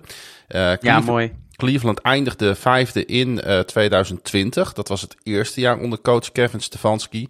Dus je ziet wel dat deze coach eh, daar natuurlijk samen met de OC volop inzet. En daar ook echt eh, een, een, focuspunt van maakte. Ja, dat klopt. Daar Hij doet, hij, doet, hij het goed, hè, die eh, Kevin Stefanski, wat dat betreft. Ook hoe hij met zijn spelers omgaat. eh, hoe die met het hele COVID-gebeuren is omgegaan. Ik ben wel echt fan van de manier waarop hij dit, deze franchise coacht. Ja, ja, eens. Gewoon, dit, dit is de coach waar ze in Cleveland eigenlijk al jaren op, eh, op zitten te wachten. Hey, als ik het nu zou moeten zeggen, en het is een, eh, preview, het is een voorbereidingspodcast, dan denk ik dat Watson uiteindelijk dit jaar niet gaat spelen. Want ik denk dat Roger Goodell alles gaat overrulen en hem een, eh, een, een seizoen gaat schorsen. Ehm, met Jacoby, jo Jacoby Brissett en Jacoby Jones moet je mij horen. Zo'n geest uit het is- verleden. Beroep defo- deformatie. Met Jacoby en Brissett. Je zien hoe diep eh, deze naam zit. eh, eh, gaan ze de playoffs eh, niet halen? Eh, denk ik in ieder geval. Dus eh, eh, ik denk dat het inschatten van het record van de Cleveland Browns het allermoeilijkste is eh, wat je kan inschatten. Ja, NFL-wise. doen. Ik heb, ik heb bijvoorbeeld mijn voorspelling eh, gemaakt op hoe de situatie nu is. Dat hij, uh, dat hij na, na zeven wedstrijden in Baltimore zijn debuut maakt. Ja. Um, ik heb ze op, uh, op 8-9 gezet. Uh, onder die veronderstelling. Dat dat hele sterke team met die offense en die pass rush en die, en die, en die secondary, dat het inderdaad op het einde van het seizoen gaat samenspelen. Want daar hebben zij echt een, een soft schedule, zullen we maar zeggen. Ja. Dus ik, uh, ik, ja, ik zie het wel, uh, wel gebeuren dat als de Sean Watson meedoet, dat ze in ieder geval richting 500 gaan. 8, 9. Ik zet ze op uh, zes overwinningen. Op dit moment. omdat ik dus denk dat Watson uiteindelijk dit jaar niet gaat spelen. En als hij wel terugkomt, dan denk ik dat er misschien maar één of twee wedstrijden bij gaan komen. Omdat ik dus de verwachting heb dat het even gaat duren voordat Watson geacclimatiseerd is in deze Browns offense die toch ook nog wel wat ingewikkelde schemes heeft. Ja, eh, dan zit je ook op een 8-9 record. Ja, inderdaad. Nou, ik denk, ik denk dat, het, dat zij zonder Watson geen zes wedstrijden winnen. Niet met het, ze hebben het vierde schedule van de league. Als ik, oh, het vijfde zwaarste schedule van de league. Um, met gewoon een heleboel hele zware wedstrijden. Uh, met name thuis. Dat is wel grappig. Dat is voor de hele EFC Noord. Dat thuis zwaarder is dan uit om een of andere reden, als ik het zo voorspel. Mm um, maar ik. Uh, nee, dan zie ik ze nog geen zes wedstrijden winnen. Misschien is de gedoodverfde favoriet voor de tweede plek in de divisie dan wel voor de Pittsburgh Steelers. Laten we het daar eens over gaan hebben. Want Ben Roethlisberger, die was uh, geen schim van zijn oude zelf en toch haalden de Steelers de playoffs. Daar kwam het nodige geluk bij kijken. Zowel de aanval als de verdediging speelden geen topjaar. Inderdaad, een verdediging met NFL Defensive Player of the Year TJ Watt. De Steelers hadden in close games, hebben in close games gezwijnd en in week 18 op andere velden hulp gehad om met 9-7-1 het naseizoen te halen. De Chiefs die maakten gelijk korte metten met het team van Mike Tomlin. Maar de headcoach hield zijn lange streak van non-losing seasons overeind. En Big Ben kon uiteindelijk met opgeheven hoofd afscheid nemen. Ja, uh, geen uh, Rufflesburger meer in Pittsburgh. Dat is wel even wennen, Frank. Ja, ik heb het uh, nog nooit, uh, ja, buiten zijn blessures en zo. Maar sinds ik de NFL echt integraal volg, heb ik het nog nooit meegemaakt. Nee. Dus het was ieder jaar twee keer Roethlisberger op het menu. Ja, dat, dat, dat wist je. Ja, en wat dat betreft ook, uh, ik denk onderling ongelooflijk veel uh, plezier gehad aan die wedstrijden. Het was vaak heel erg close tussen de Steelers en de Ravens. Het was vaak hard. maar ook met veel respect voor elkaar, hè? Ja, zeker. Zeker. Ja, het is bij velen bekend. Maar ik ben, een, ik ben zo'n Ravens-fan die eigenlijk uh, niet meteen uh, enorme haat heeft richting Pittsburgh. Ik kan altijd wel enorm respect hebben voor wat ze daar ieder jaar weer voor elkaar krijgen. Ik kijk altijd met heel veel bewondering naar die, uh, naar die franchise. En zo ook weer gewoon dit off-season. Want ja, heel veel mensen schrijven ze af. Maar bij mij staan ze zeker gewoon op het lijstje om gewoon weer een, een goed seizoen te draaien en uh, mee te doen om tenminste een, eh, een winning record. Ja, ik heb ook niet het idee dat het uh, verlies, het met pensioen gaan van uh, dat dat een hele grote stempel zal drukken op nee. de Steelers. Want in 2020 was Big Ben ook al niet meer top. Um, 2021 was ook geen successtory. Ja, hij, hij was op het eind was hij zo bang dat hij uh, nog meer kapot zou gaan. Dat zijn voornaamste doel was om de bal maar gewoon zo snel mogelijk kwijt te raken. Ja. En ik zag hier ook een, um, een mooi statistiekje van terug. Want alleen Jared Goff had nog uh, een slechter gemiddelde in-depth of target. Uh, dus dat wil zeggen hè, hoe ver de bal reist gemiddeld. Bij Jared Goff was het 6.8 en bij Roethlisberger 7.1. En dan had Roethlisberger ook nog eens de laagste PFF-grade van alle 37 gekwalificeerde quarterbacks. Ja, nee, maar uh, kijk, we moeten niet vergeten, hij kwam in 2019 terug van een blessure, mm -hmm. waarin drie pezen in zijn elleboog werden hersteld. Nog nooit een quarterback van teruggekomen, dus daar, daar kan je tot op, zo, tot op zoveel hoogte alleen maar respect voor hebben. Alleen vorig jaar, nou je had het net over die 7 yards. Uh, 61% van zijn passes was minder dan 5 yards. Ja. En het bewegen van hem in de pocket, dat deed zich niet of nauwelijks voor. Dus je speelde eigenlijk gewoon met een voor voetbaltermen gewoon volkomen bejaarde uh, quarterback. En dat is dus ook precies uh, waarom je die Steelers niet moet afschrijven. Want juist met het aantrekken van een Trubisky en een Pickett, en dat moet zich allemaal nog bewijzen, gaan de Steelers er simpelweg op vooruit. Ja. Op de belangrijkste positie op het veld. En ze hebben vorig jaar negen wedstrijden gewonnen. Um, en nu met, waarschijnlijk met Pickett, laten we daar eens even van uitgaan. Ja, zie je dat, er, dat daar een enorme upside in, dat, in, in die ploeg komt die er in eerste instantie niet, uh, niet in zit. Ja, ze zullen wat dat betreft hopen natuurlijk op een uh, snelle transitie. Hè, op, die, uh, op die positie van quarterback. Hoe reëel dat is, dat is natuurlijk altijd heel erg moeilijk in te schatten bij een, bij een quarterback die van college komt, het daar heel goed doet. Hij is natuurlijk ja. ook nog eens de quarterback die als eerste werd gekozen in deze, uh, in deze draft. Ook de enige die in de eerste ronde viel. Um, ik zat een beetje. Zou dat het zijn dat, dat, dat de Steelers hier toch stiekem hopen op een uh, situatie? Uh, Joe Montana, Steve Young, Brett Favre, Aaron Rodgers, Peter Manning, Andrew Luck. Dat ze heel snel kunnen doorschakelen? Ja, wie, wie hoopt daar niet op? Ja. Uh, dat is absoluut wat ze denken. En ze hebben natuurlijk iemand die bekend is met de regio, een, een homegrown boy. Nou, daar hebben we het vaak genoeg over gehad. Ik ben toch nog heel even gaan kijken naar zijn, naar zijn college career. Ik, heb, ik keek niet heel veel Pitt-wedstrijden, moet ik eerlijk toegeven. Ook vanwege het feit dat het om Pittsburgh gaat. Nou, dan haak ik bij alle sporten eigenlijk al af. Ja. Um, dat is gewoon zo. Um, maar hij zat natuurlijk daar in een offense bij Pitt die relatief, een relatief dun playbook had. En hij maakte heel veel plays gedurende het spel. Dus er was weinig playbook en heel veel on the fly. Verder zag ik ook, en dat vond ik best veel, hij had relatief veel fumbles in college. 38. Dan gaat iedereen weer roepen over die, die kleine handen van hem. Maar dat komt waarschijnlijk ook omdat hij atletisch nou niet de allerbeste quarterback is. En dat zijn juist allemaal dingen waar je in de NFL eigenlijk nauwelijks de tijd niet voor krijgt. Uh, verder is heel belangrijk om te noemen bij de Steelers, vond ik ook wel verrassend. Ze hebben best wel wat wijzigingen op die, op die O-line. Kijk, jaren had je daar, uh, hoe heet het ook weer, De Castro, je had Filer, je had Villanueva. Nou, die, die kennen we vanwege de holding penalties in Baltimore inmiddels. En Pouncy.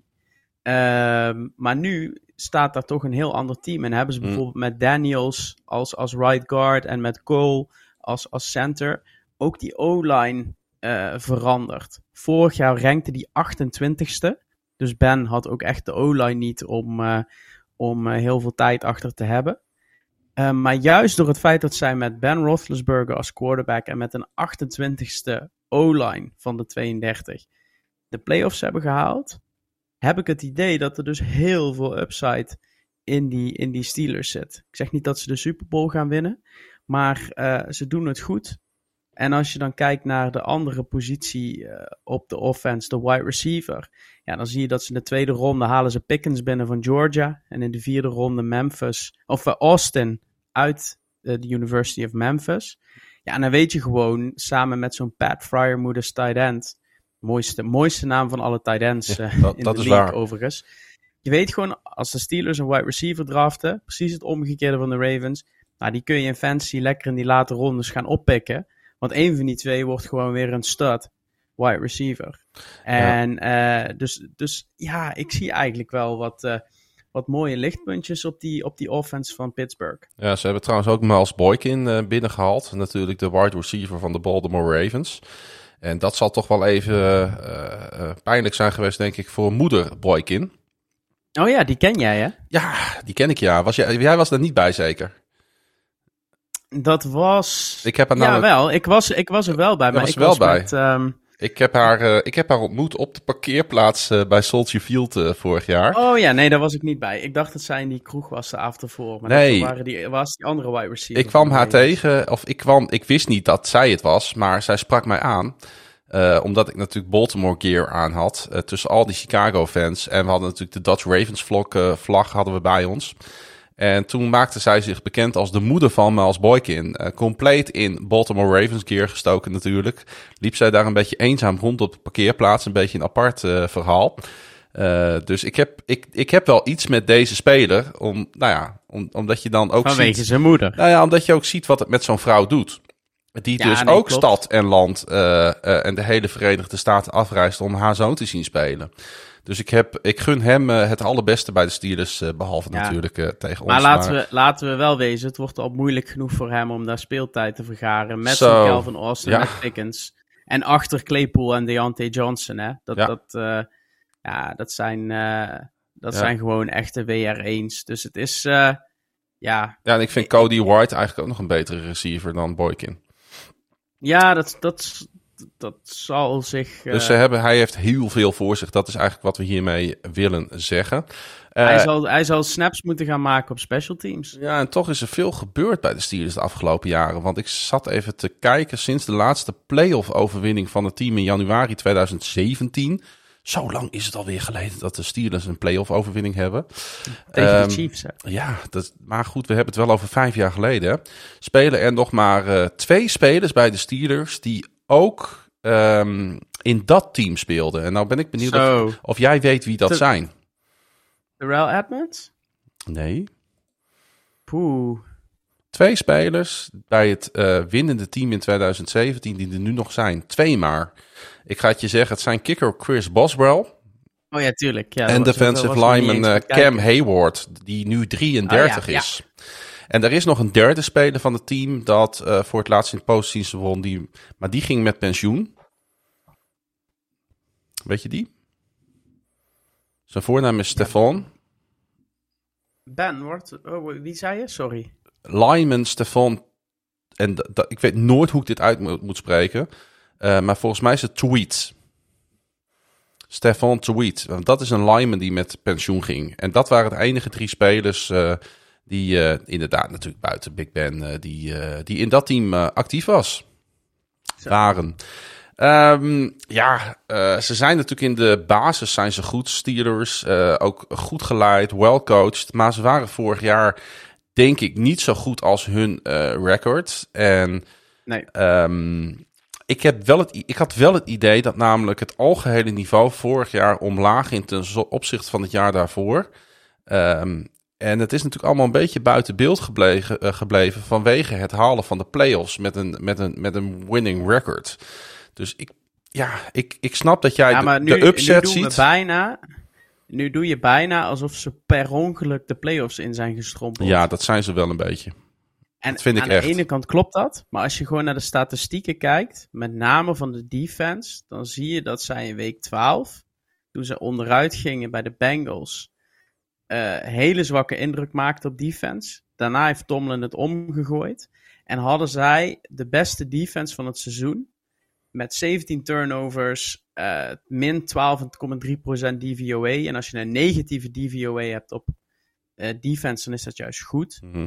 Ehm, en dan zie je eigenlijk dat zij in die laatste weken, dat zij puur op de defense de playoffs in zijn gegaan. Dus ik ben het met je eens. We kunnen het over die O-line hebben. We kunnen het over Roethlisberger hebben. We kunnen het over eh, dat ze in de running game te afhankelijk van de G. Harris zijn. Daar kunnen we het over hebben.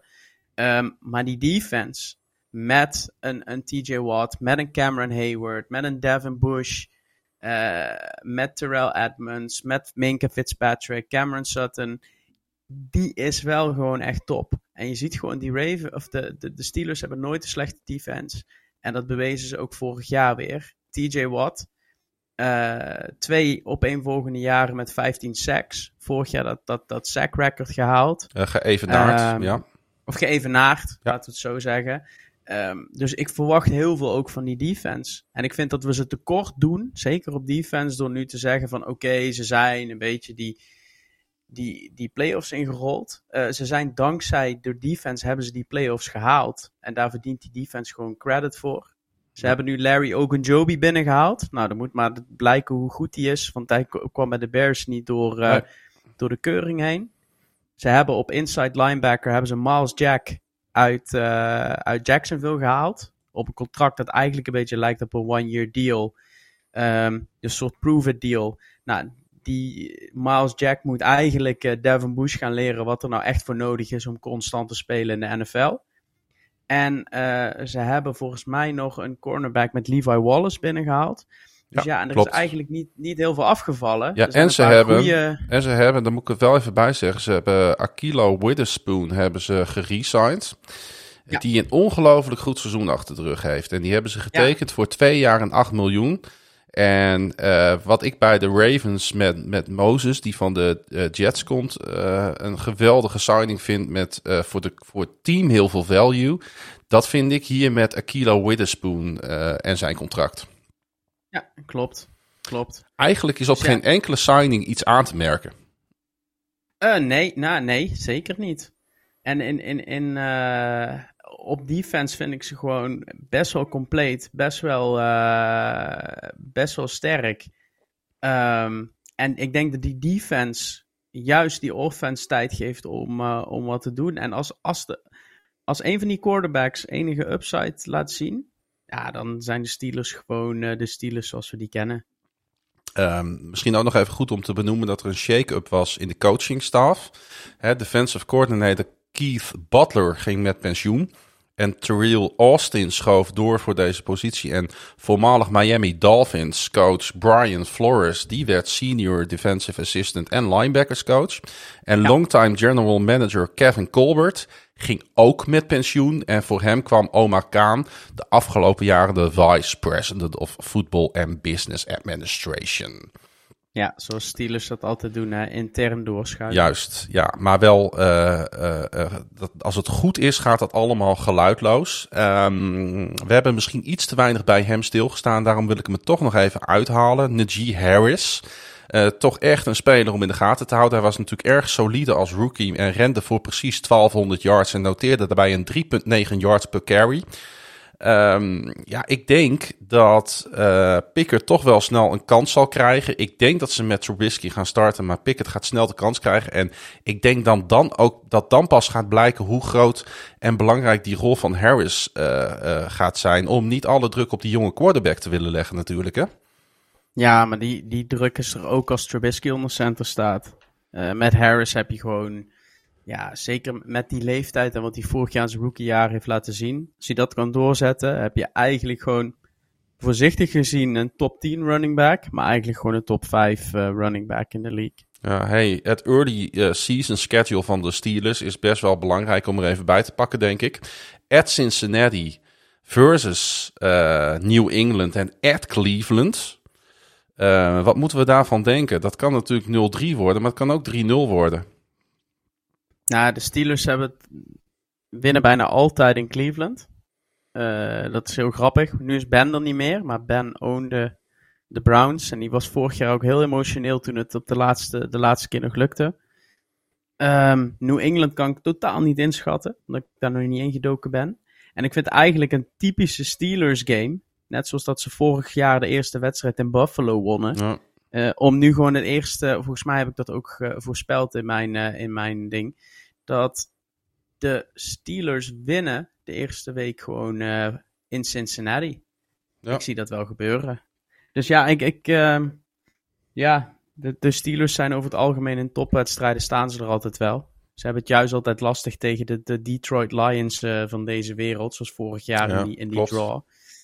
Um, ja, ik, wat, ik, ik, wat rolt er bij jou uit als, als voorspelling? Nu 8-9. 8-9.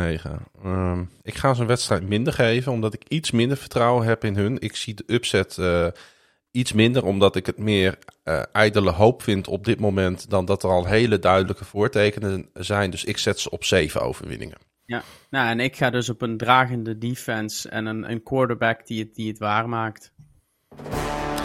Ja, gaan we naar uh, de nummer 1 van uh, vorig jaar in deze divisie. En jongens, wat scheelde het? De Bengals waren er zo dichtbij. Ze stonden met 20-16 voor in het vierde kwart van de Super Bowl tegen de Los Angeles Rams. En ze pakten zelfs een key first down op een, uh, ik dacht een 3-yard pass op Chris Evans met minder dan 8 minuten te gaan. Uiteindelijk stokte de drive en daarna ging het natuurlijk mis. De Rams converten op fourth down. En er was een zeer discutabele holding call tegen de Bengals. Uh, linebacker Logan Wilson, als ik me goed herinner. En de Rams die scoorden. De Bengals, die waren op. En de Bengals wonnen niet hun allereerste Super Bowl title. Maar wat waren ze er dichtbij, Frank? Ja, ze waren uh, heel dichtbij. Beetje geholpen door de Zebra's. Uh, op die ene touchdown waar ze door terugkwamen in die wedstrijd. Um, maar in het dus korte samenvatting is eigenlijk dat die O-line het net aanhield tot de laatste drive van het seizoen. En toen, uh, ja, toen ging het toch mis en kwamen ze net tekort voor, uh, voor een Super Bowl. In een perfecte wereld zou je denken dat de, de Bengals gewoon door kunnen gaan met waar ze mee bezig zijn. Dat zou betekenen dat het team opnieuw Super Bowl bound zou zijn. Uh, en ze zijn natuurlijk ook een hartstikke leuk team om naar te kijken. Met een likable quarterback, en Joe Burrow. En hun onverwachte playoff run was een geweldig verhaal. Uh, Bengals fans mogen natuurlijk dromen, maar uh, het is wel de NFL, Frank. Want het enige team dat sinds de 1972 Miami Dolphins een Super Bowl verloor om het seizoen daarna de Super Bowl opnieuw te bereiken en te winnen. Dat waren de 2018 New England Patriots. En er zijn sinds 1989 zelfs 11 Super Bowl verliezers die het jaar erna niet eens punt 500 haalden. Dus de Super Bowl hangover, dat is wel echt een ding hè. En het staart de Bengals vol in de bek aan. Ja, ook als je naar het roster kijkt. Uh, ik, ik ben dat hele roster doorgelopen. En dan zie je eigenlijk dat ze super zwart-wit uh, naar het roster gekeken hebben. Want als je naar hun starting uh, 11 kijkt, op offense en defense, hebben ze wellicht een nieuwe tight end in Hayden Hurst. Ik weet niet of die tight end 1 wordt daar, of dat er toch sample wordt.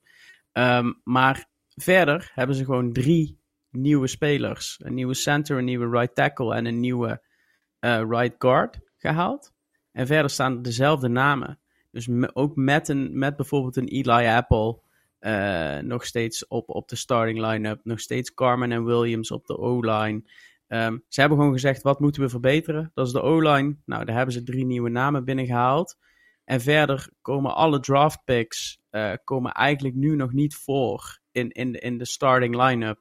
Dus ja, we gaan daadwerkelijk um, dezelfde uh, Cincinnati Bengals krijgen, maar dan met een, uh, een andere O-line. En de vraag is, is dat, is dat voldoende? Ja. Um, uh, ik moet wel uh, zeggen, kijk, uh, niet om vervelend te doen, maar de Bengals die wonnen in zowel het reguliere seizoen als de playoffs natuurlijk iedere close game. dat is natuurlijk NFL gerelateerd. dat is super moeilijk om wedstrijden te winnen in NFL. Ja. Cincinnati kwam van een 7-6 record op een gegeven moment.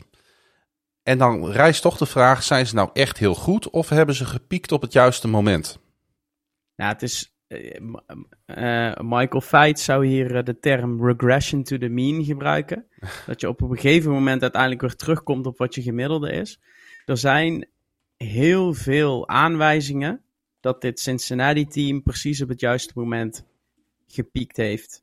Zij hebben met, uh, met Joe Burrow en Jamar Chase een QB wide receiver duo uh, bij elkaar gekregen volkomen exceptioneel is en echt wedstrijden voor ze wint. Uh, maar als je even een aantal dingen er. Ik zag daar ook een hele mooie. Uh, um, uh, mooi citaat ook over. Since he just happened to protect their quarterback with a wide receiver rather than a lineman. Moest ik al even voor over, over lachen. En toen dacht ik ook van ja. ja. eigenlijk heeft Chase er eigenlijk nog meer dan Christian Kirk voor gezorgd dat die wide receivers nu overal betaald krijgen. Want een goede quarterback-wide receiver combinatie met een matige O-line is eigenlijk beter. Dat is wat Cincinnati heeft. Ja. Dan juist een, een degelijke O-line, zoals Baltimore die pretendeert te hebben, met juist een mindere wide receiver groep. Hm. Maar als je dan kijkt naar wat, wat Cincinnati, dan kijken we naar die O-line. Dan zie je dat Burrow de eerste quarterback is sinds David Carr, broertje van, in 2002 bij de Texans, die 70 sacks te verduren kreeg. En de Bengals, die waren tot aan de playoffs vorig jaar gewoon een volkomen middelmatig team. Met uh, DVOA algemeen, defense en offense van 17, 18 en 19. Special teams ja. was, was daar de uitzondering, daar waren ze achtste. En dat komt natuurlijk door die fantastische Evan McPherson. En op weg naar de playoffs werd er twee keer gewonnen van de Ravens en de Steelers. Maar er werd dus verloren van de Jets en de Bears en de Niners in overtime en de Packers in overtime. En het, het voelt nu niet alsof het een zwaar en bitter verlies is, die Super Bowl, maar de opmaat tot iets moois. Maar eigenlijk is Cincy gewoon een extreme variant op, op wat ik dan maar noem een boom and bust offense. Nog veel erger dan, dan bijvoorbeeld um, de, de Ravens waren in 2013, toen ze, toen ze wel de Super Bowl wonnen. Nou, ik wil er toch nog wel even wat tegenover zetten, Frank. Want jij noemt nu die 70 sacks. Maar tegelijkertijd voerde Burrow ook de NFL aan met juist een 70,4 completion, completion percentage. En ook in yards per attempt was hij de beste quarterback in de league, 8,9. En hij gooide 34 touchdowns. Dus dat, ja, dat klopt. Dat is toch wel goed om, het daar, e- om dat er even tegenover te zetten. Want ik ah, moet luisteren, met deze, met deze cijfers ben je gewoon legit. Zeker. Nee, maar dat is precies wat ik probeer te zeggen. Hm. Ehm, de, de, de Bengals leunen meer dan welk team in de NFL op hun QB1, uh, WR1 uh, combo. Ja. En uh, Jamar Chase en, en Joe Burrow met z'n tweeën maken dat team op momenten schieten zij. zij ik, ik zat ook in die, in, die, in die stats te lezen. Ik heb trouwens dat, uh, dat is leuk om, om er ook een keer bij te pakken. Maar ik heb die Football Outsiders Almanac. Uh, waar, waar Michael Feit het vorig jaar over had, zelf ook eens gekocht. Maar die Bengals die zijn voor de statistieken bijna niet te vangen. Omdat die twee samen zo'n explosieve combinatie zijn. Dat ze eigenlijk gewoon op momenten dat, dat zij klikken, schieten ze door het dak. En op het moment dat zij niks laten zien, gaan ze door de ondergrens. En dat, dat zie je ook in hoe zij per kwart uh, gerankt werden. Dat was 29ste, 7e, 5e en 21ste. Dus je ziet, het is eigenlijk all over the place. En daarom geloof ik nou niet in Cincinnati dat ze er eigenlijk al zijn met dat, met dat roster van ze. Ze, ze, ze doen net alsof het jammer is en dat het een, een, een, een opmaat naar iets moois is dat ze die Super Bowl verloren hebben. Maar het zou eigenlijk als een zwaar en bitter verlies moeten voelen. Omdat ik me afvraag in hoeverre dat ze daar nu nog een keer gaan, uh, gaan komen. Maar dan, ook van, dan moet ik je toch vragen, Frank. Wat moeten zij dan nog doen om, um, om dat voor elkaar te krijgen? Want inderdaad, die O-line was natuurlijk echt het grote probleem. Nou, ze hebben hun portemonnee... Uh, alles bij elkaar opgeteld, behoorlijk getrokken voor de guard van Tom Brady, Alex Kappa. Ze hebben een geweldige tackle van de Cowboys gehad, L. Collins. L. Uh, Collins, zeker. Uh, met Ted Karras hebben ze denk ik ook een goede center uh, gehaald. Ehm, niet de beste center in de league, maar zeker gemiddeld. Um, nou, dus daarmee hebben ze de boel op papier hebben ze de boel wel omgedraaid. Nee, dat klopt. Ze hebben inderdaad minder aan hun defense gedaan. Ze hebben niks aan de defense gedaan. Nee, dat en, klopt. ze hebben vorig jaar, en dan kijk je ook naar de statistieken, hebben zij tegen relatief veel zwakke verdedigingen gespeeld. Zij kwamen als een matig team tot aan de playoffs. Maar ze hadden toen al tegen zwakke verdedigingen gespeeld. Uiteindelijk uh, spelen zij, uh, breekt dat ze op in de Super Bowl. En je ziet bijvoorbeeld dat die defense die is significant beter tegen de pass dan tegen de run. Maar ze leken net het goede plan steeds te hebben om voldoende uh, Lamar, Henry en, en Mahomes af te stoppen. Dat hebben ze natuurlijk heel goed gedaan. Waar ik niet in geloof in de NFL is het terugbrengen van een hele position group. Ik denk dat, er ieder, dat het heel belangrijk is dat je ieder jaar vers bloed in zo'n zo'n organisatie brengt. En bijvoorbeeld het feit dat Eli Apple nog steeds op cornerback staat in je starting line-up. Uh, ja, daar, daar ga je gewoon, uiteindelijk ga je daar gewoon de Super Bowl niet mee winnen. Nee. Daar ben ik echt van, van overtuigd. En ik wil niet heel negatief zijn over de Bengals. Maar ik wil ook iedereen wel heel even wijzen op, op het feit dat ze statistisch gezien vorig jaar exceptioneel boven hun kunnen hebben gepresteerd. Uh, en dat ze met, met hun schedule, met de tegenstand, en dat, zonder geluk vaart niemand wel, maar ze hebben wel heel veel geluk gehad. Ja, als de Las Vegas Raiders uh, een paar, paar yards meer hadden gepakt die wedstrijd, was, was, het, klaar. was het toen al klaar geweest. En als, natuurlijk, als de Chiefs niet op een onverklaarbare wijze gechoked hadden in overtime, dan was het natuurlijk ook klaar geweest. Dus ja, uh, dat, dat, is, dat, je, hebt, je hebt wel een punt dat ze de in zekere zin een outlier waren, zijn. Precies. De Bengals waren overigens wel het beste penalty team in de league. Uh, en dat is ook iets wat, wat een coachingstaf daar echt erin heeft gehamerd. Absoluut. Ik denk ook dat ze een, een degelijke, geen super goede, maar een degelijke, degelijke draft hebben, hebben gehad. Um, Eén maar... hele belangrijke signing trouwens, Michigan safety Dex Hill. Uh, ja, zeker. Ongelooflijk een talent, maar uh, er speelt natuurlijk een situatie bij de Bengals met Jesse Bates op dit moment nog steeds. Die wil meer geld dan dat de Bengals hem willen geven en een trade of zelfs een holdout ligt echt op de loer. En Bates bleek natuurlijk wel een sleutelspeler in deze defense. Ja, tuurlijk. Met Bell en, en Bates uh, hadden zij gewoon een safety duo dat, dat echt, uh, ja, gewoon dat, dat, een van de beste in de NFL.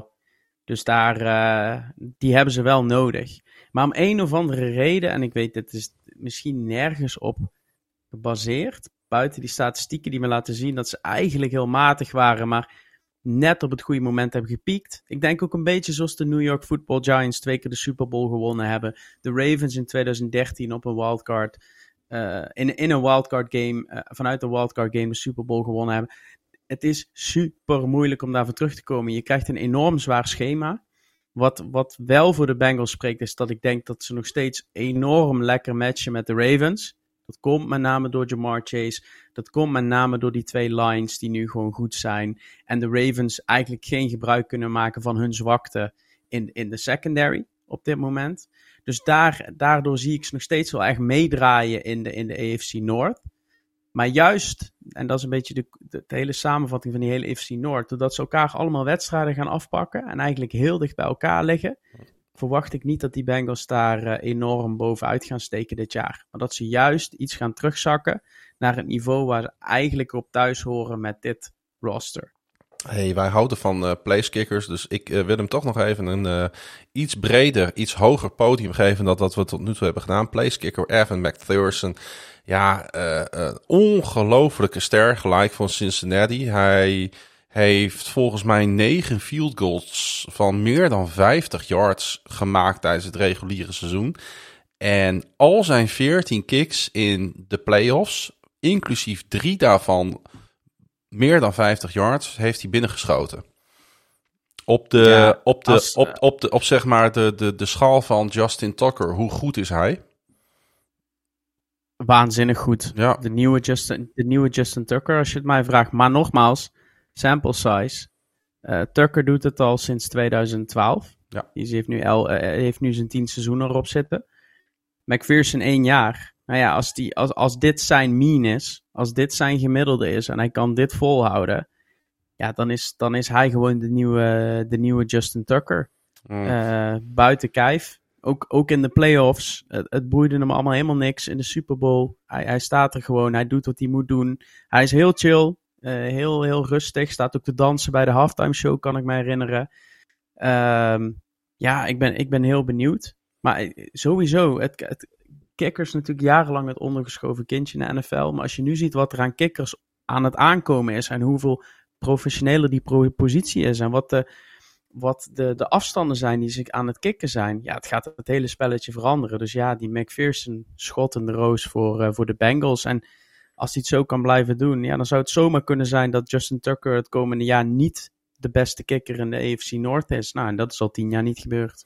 Hij heeft natuurlijk al een uh, vet uh, contractverlenging gekregen, Justin Tucker. Dus, uh... Ja, en ook terecht. Hè. We hebben het hier, terecht, we hebben het hier zeker. over de, de Ali en Fraser van de, van, de, van, het kick, van de kickinggarde. Ik bedoel, het zijn gewoon de twee beste kickers. En ze, ze gaan het gewoon ieder seizoen twee keer tegen elkaar opnemen. Ja, dat is ook een mooi gevecht om, om ons op te verheugen. Ja, um, weet je, heel simpel gezegd, als de Bengals het willen doen, dan moeten ze het nu doen. Ze hebben een van de beste quarterbacks in de NFL. Ze hebben uh, een van de beste wide receivers in de NFL. En ze, uh, en ze spelen allebei op hun respectievelijke rookie deals. Dus dit is natuurlijk wel de window waar het op zich moet gebeuren voor de Bengals. Maar dat gaat lastig ja, genoeg worden zeker. in deze AFC North, wat jij terecht zegt. Dus welke record ga je ze geven? Ik zet ze op, op 9-8. En dan is, het dus, dan is het dus afhankelijk van of de Ravens naar, naar 10-7 gaan of 9-8. Maar ik zie die hele AFC North, ik zie dat gewoon heel dicht bij elkaar zitten. Oh. In mijn voorspelling winnen ze de AFC North ook gewoon. En gaan de Ravens er met een gelijk schema niet naar de, naar de playoffs. Omdat ze onderling resultaat twee keer verliezen van de Bengals. Want daar zie ik bij de Ravens gewoon de grote zwakte. Ze zijn nog steeds niet gebouwd voor deze Bengals. Um, maar ze gaan naar 9-8 en ze winnen de divisie. Oké duidelijk. Ik uh, zet ze wel weer een wedstrijdje hoger. Ik zet ze op 10 overwinningen. En wie wint dan de divisie? Oh, oh dat is een gewetensvraag. Gaat, gaat, Baltimore dan een, een wedstrijd pakken van, uh, van Cincinnati komend seizoen? Hmm. Dat zou dan wel moeten. Ja, dat gaan ze doen. Oké. astroloog die trekt uw horoscoop. Een ander die voorspelt uw levensloop. Met koffiedik of kaarten in een donker hol. Dit blijft slecht, hè? Maar ik zelf prefereer toch. Vind je? Ik vind het echt heel goed. Het is cult. Ja, nee, dit is niet cult. Het is gewoon heel goed. Dit is Ik precies heb, wat het eh, moet zijn. Ja, ik heb besloten om ook eh, iedereen eh, met wie ik een podcast maak in het voorseizoen te vragen naar de Super Bowl voorspelling. Want dat is alleen maar leuk om te doen. Ik vraag het Ja. ook aan jou. Wat denk gaan jij? een beetje aan de haal met mijn, met mijn ehm, pick die ik na de afgelopen Super Bowl gemaakt heb in deze podcast. Want toen heb ik ook gezegd, die Chargers, jongens, als die een goede draft hebben, dan, dan kan dat eigenlijk helemaal, helemaal los. Ja, ik heb ze in de AFC Ehm. South eh, eh, preview heb ik ze weer genoemd. Ja, ik zit, te- ik zit te twijfelen tussen de Chargers en de, en de Bills. De Bills zijn er eigenlijk, die hadden er vorig jaar ook gewoon zomaar moeten, of misschien kunnen of moeten, moeten staan. Jij weet dat trouwens nog niet, want die podcast die is nog niet online op het moment dat wij opnemen. Maar weet je wat, ja, je kunt het misschien wel raden. Welk team denk je dat Michael eh Feit in, in de Super Bowl heeft staan namens de AFC? Ehm, heeft, hij, heeft hij dan de Bills? Nee, ander team uit die divisie. De Dolphins? Nee, De Jets? nee. Nee, de Patriots. Ja, de Patriots heb ik dus echt geen zicht op. Daar ben ik nog niet, nog niet ingedoken. Maar ik vind, eh ik vind Weer? met name Miami eh, heeft- veelbelovend. Ja, ik ook. Hij heeft weer die Patriots Maar laat ik, ik, ik, bleef, ik bleef toen hangen bij, eh, bij de Chargers. Ja. En ik, die zijn gewoon echt goed op weg. Bills, Chargers. Laten we nu gewoon voor, voor Chargers gaan. Dat ik dat, dat leuk vind. Maar ik gun het ze allebei. Ja, En voor de NFC. Ik weet niet wie ik na de Super Bowl Ja, heb ik heb- genoemd. Ik heb dus gewoon de Eagles erin gegooid, hè? Ja, dat had ik wel gedacht. Ehm, ja, ik vind de Rams nog steeds wel heel sterk. En, en Brady zonder center moet ik even zien. Ik weet wie ik heb gezegd trouwens. Ik heb volgens mij de Packers gezegd. eh, Ja, na de Super Bowl. Ik ook. Die Maar heb laat ik ook ik- genoemd. Maar daar ben ik een beetje eh, van aan het terugkomen. Ja, ik, ik, ik sluit Rodgers nooit uit. Laten we gaan voor Chargers, Rams. Gewoon een LA Super Bowl. De toekomst met al zijn geheimen kan ik voorspellen. Mm, kom maar bij me, want ik zie het zo helder in mijn glazen bol. En daarmee zijn we ook aan het eind gekomen van eh, alweer de, moet ik even goed tellen, de vijfde preview show. Zo, dat schiet op. Je bent er al bijna. Ja, eh de Nou ja, ik, moet, eh, ik, er, ik heb nu vier teams mogen voorbeschouwen. Vorig jaar heb ik er 16 gedaan. Dat was ondoenlijk. Ja. Maar jij doet ze alle 32. En ik, ik heb het ook laatst op Twitter even gegooid. Maar het, zoveel respect eh, voor de hoeveelheid tijd die jij hierin steekt.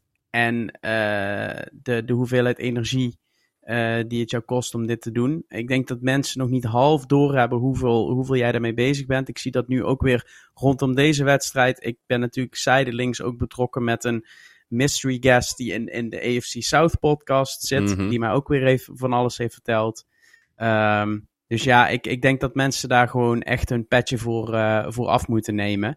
En gewoon even, even naar de website moeten gaan en lid worden. Want ja, jij, jij verdient dat gewoon met die podcast die je maakt, die content die je maakt en hoe je de NFL in Nederland op de kaart zet. Nou, dank daarvoor. Dat, eh, dat wordt gewaardeerd. Maar ik moet eerlijk zeggen, het is ook echt super leuk. Ik moet wel zeggen, dit is dan de vijfde preview show. Het mag ondertussen ook wel gaan gebeuren. En als ik dan, want ik zat eh, toevallig, omdat eh, Colin dus op, op bezoek is, zat ik ook even naar de preseason wedstrijd tussen de Raiders en de Vikings te kijken. Ja, en dan weet je gewoon niet waar je naar zit te kijken.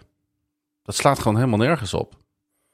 Nee, en daarom zeg ik tegen iedereen: als je nou echt voor een team bent, als je echt van de, van de Cincinnati Bengals houdt, ga je dan eens verdiepen in die depth chart. Pak die er eens een keer bij. Ga eens kijken waar komen die spelers vandaan. Zodat als je die preseason game opzet, dat je weet: oh, ik kijk hier naar de derde running back en die heeft deze en deze en deze kans om het roster te ma- halen.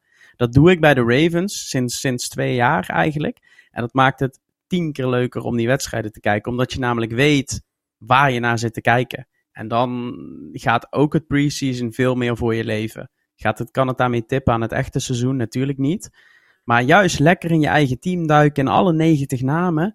Ja, er zitten zoveel camp battles en verhalen tussen. Moet je gewoon lekker doen. Ja, ik ben het op zich helemaal met je eens, uh, inderdaad. Aan de andere kant uh, kan ik ook heel goed begrijpen dat mensen denken van, weet je, dat NFL-seizoen, dat is zo heftig. En ieder weekend is zo'n uh, finale. Ik wacht lekker totdat dat 53 man roster er is. En dan ga ik me dan eens even verdiepen in welke selectie er eigenlijk staat. Daar heb ik eigenlijk ook wel weer begrip voor. Oh, begrip zeker. Want wat, maar... heb, wat heb je aan de vierde running back als hij daarna nooit meer op het NFL-toneel uh, verschijnt?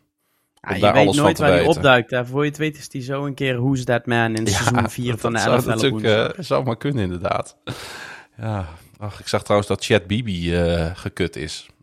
Al. Echt? Ja. Oh, jammer. Ja, jammer hè. Ja, zo, ja. Uh, en dat is omdat hij ooit weer Who's That Man is geweest, weet je. Dat is toch wel grappig dat je bepaalde spelers volgt waar, waar de goede gemeente nog nooit van gehoord heeft. Precies. Hey, um, het seizoen is aanstaande. Frank, um, ja, um, heb je er zin in?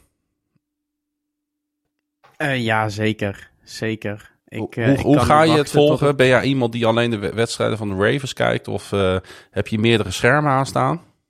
Nee, wel meerdere schermen. Uh, mijn, uh, mijn, ja, ik moet mijn vrouw zeggen inmiddels, hè, maar het is ja, nu nog mijn vrouw. verloofde, verloofde nee, vrouw. vrouw. Die, kan, die, die trekt de NFL Red Zone niet. En die wil toch wel een aantal keren meekijken. Dus dan wordt het altijd de integrale wedstrijd. En dan de volgende Red Zone er op een schermpje naast. Uh, maar dan krijg je toch niet alles mee. Dus ik, ik kijk door de week uh, kijk ik echt wel uh, wat, dingetjes, wat dingetjes terug. Wat podcasts luisteren. Ehm, ja, het, het, het, is 17 weken. Het zijn 17 hectische weken. Maar ik heb het er toch ieder jaar weer, weer voor over. Ik heb er eigenlijk heel veel zin in. Ja, en wij gaan natuurlijk naar een wedstrijd. De Panthers at, at the Ravens. En de Panthers zijn een interessant team geworden met hun O-line en met, met Baker. Dus het kan ook wel een leuke wedstrijd worden ook natuurlijk. Ja, het wordt, wordt sowieso een leuke wedstrijd. En een, beetje, een beetje boer roepen naar Baker Mayfield, daar eh, kun je mij altijd voor wakker maken. Zo. Die anekdote is nog weer voor een ander moment. Hebben we volgens mij al een keer verteld.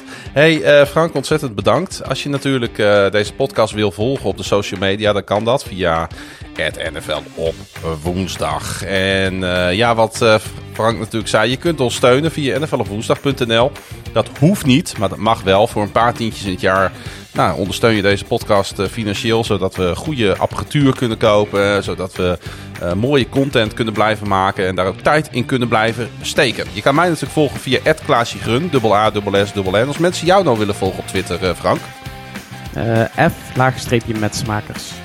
Um, en je kunt natuurlijk ook de andere co-host van deze aflevering, die er binnenkort ook weer gewoon bij is hoor, volgen via Darth laagstreepje Hideous. En dat is natuurlijk uh, mijn zeer gewaardeerde co-host Pieter. Uh, Frank, ik wil jou ontzettend uh, bedanken voor, voor het intunen vanuit Tilburg. Het is altijd even lastig om dat op afstand te doen. We doen het natuurlijk liever in person, maar ja, dat wil niet altijd gezien de afstand. we zeggen altijd het valt wel mee, maar als het erop aankomt is Groningen-Tilburg toch een behoorlijke afstand. Ja, precies. Maar uh, we, zien, we zien elkaar eergisteren, hè? Wij zien elkaar eergisteren, ja. Ik hoop het wel. anders ga, anders is er namelijk iets gruwelijk misgegaan. hou op, hou op. Ik wilde er niet aan denken. Nee hoor, het gaat helemaal goed komen. En uh, we gaan er een Mooi. fantastisch uh, feest van maken. Daar ben ik van overtuigd. En uh, wat ook een feest is, dat is natuurlijk de NFL. Dat is, uh, dat is deze sport en dat gaan we weer met belangstelling volgen. En uh, ja, over mooi. vier dagen komt de volgende preview alweer online. Uh, ik denk dat dit het uh, goede moment is om tegen iedereen te zeggen, ook tegen jou Frank bedankt. En tegen de luisteraar bedankt voor het luisteren naar NFL op woensdag, seizoen 3, aflevering 11.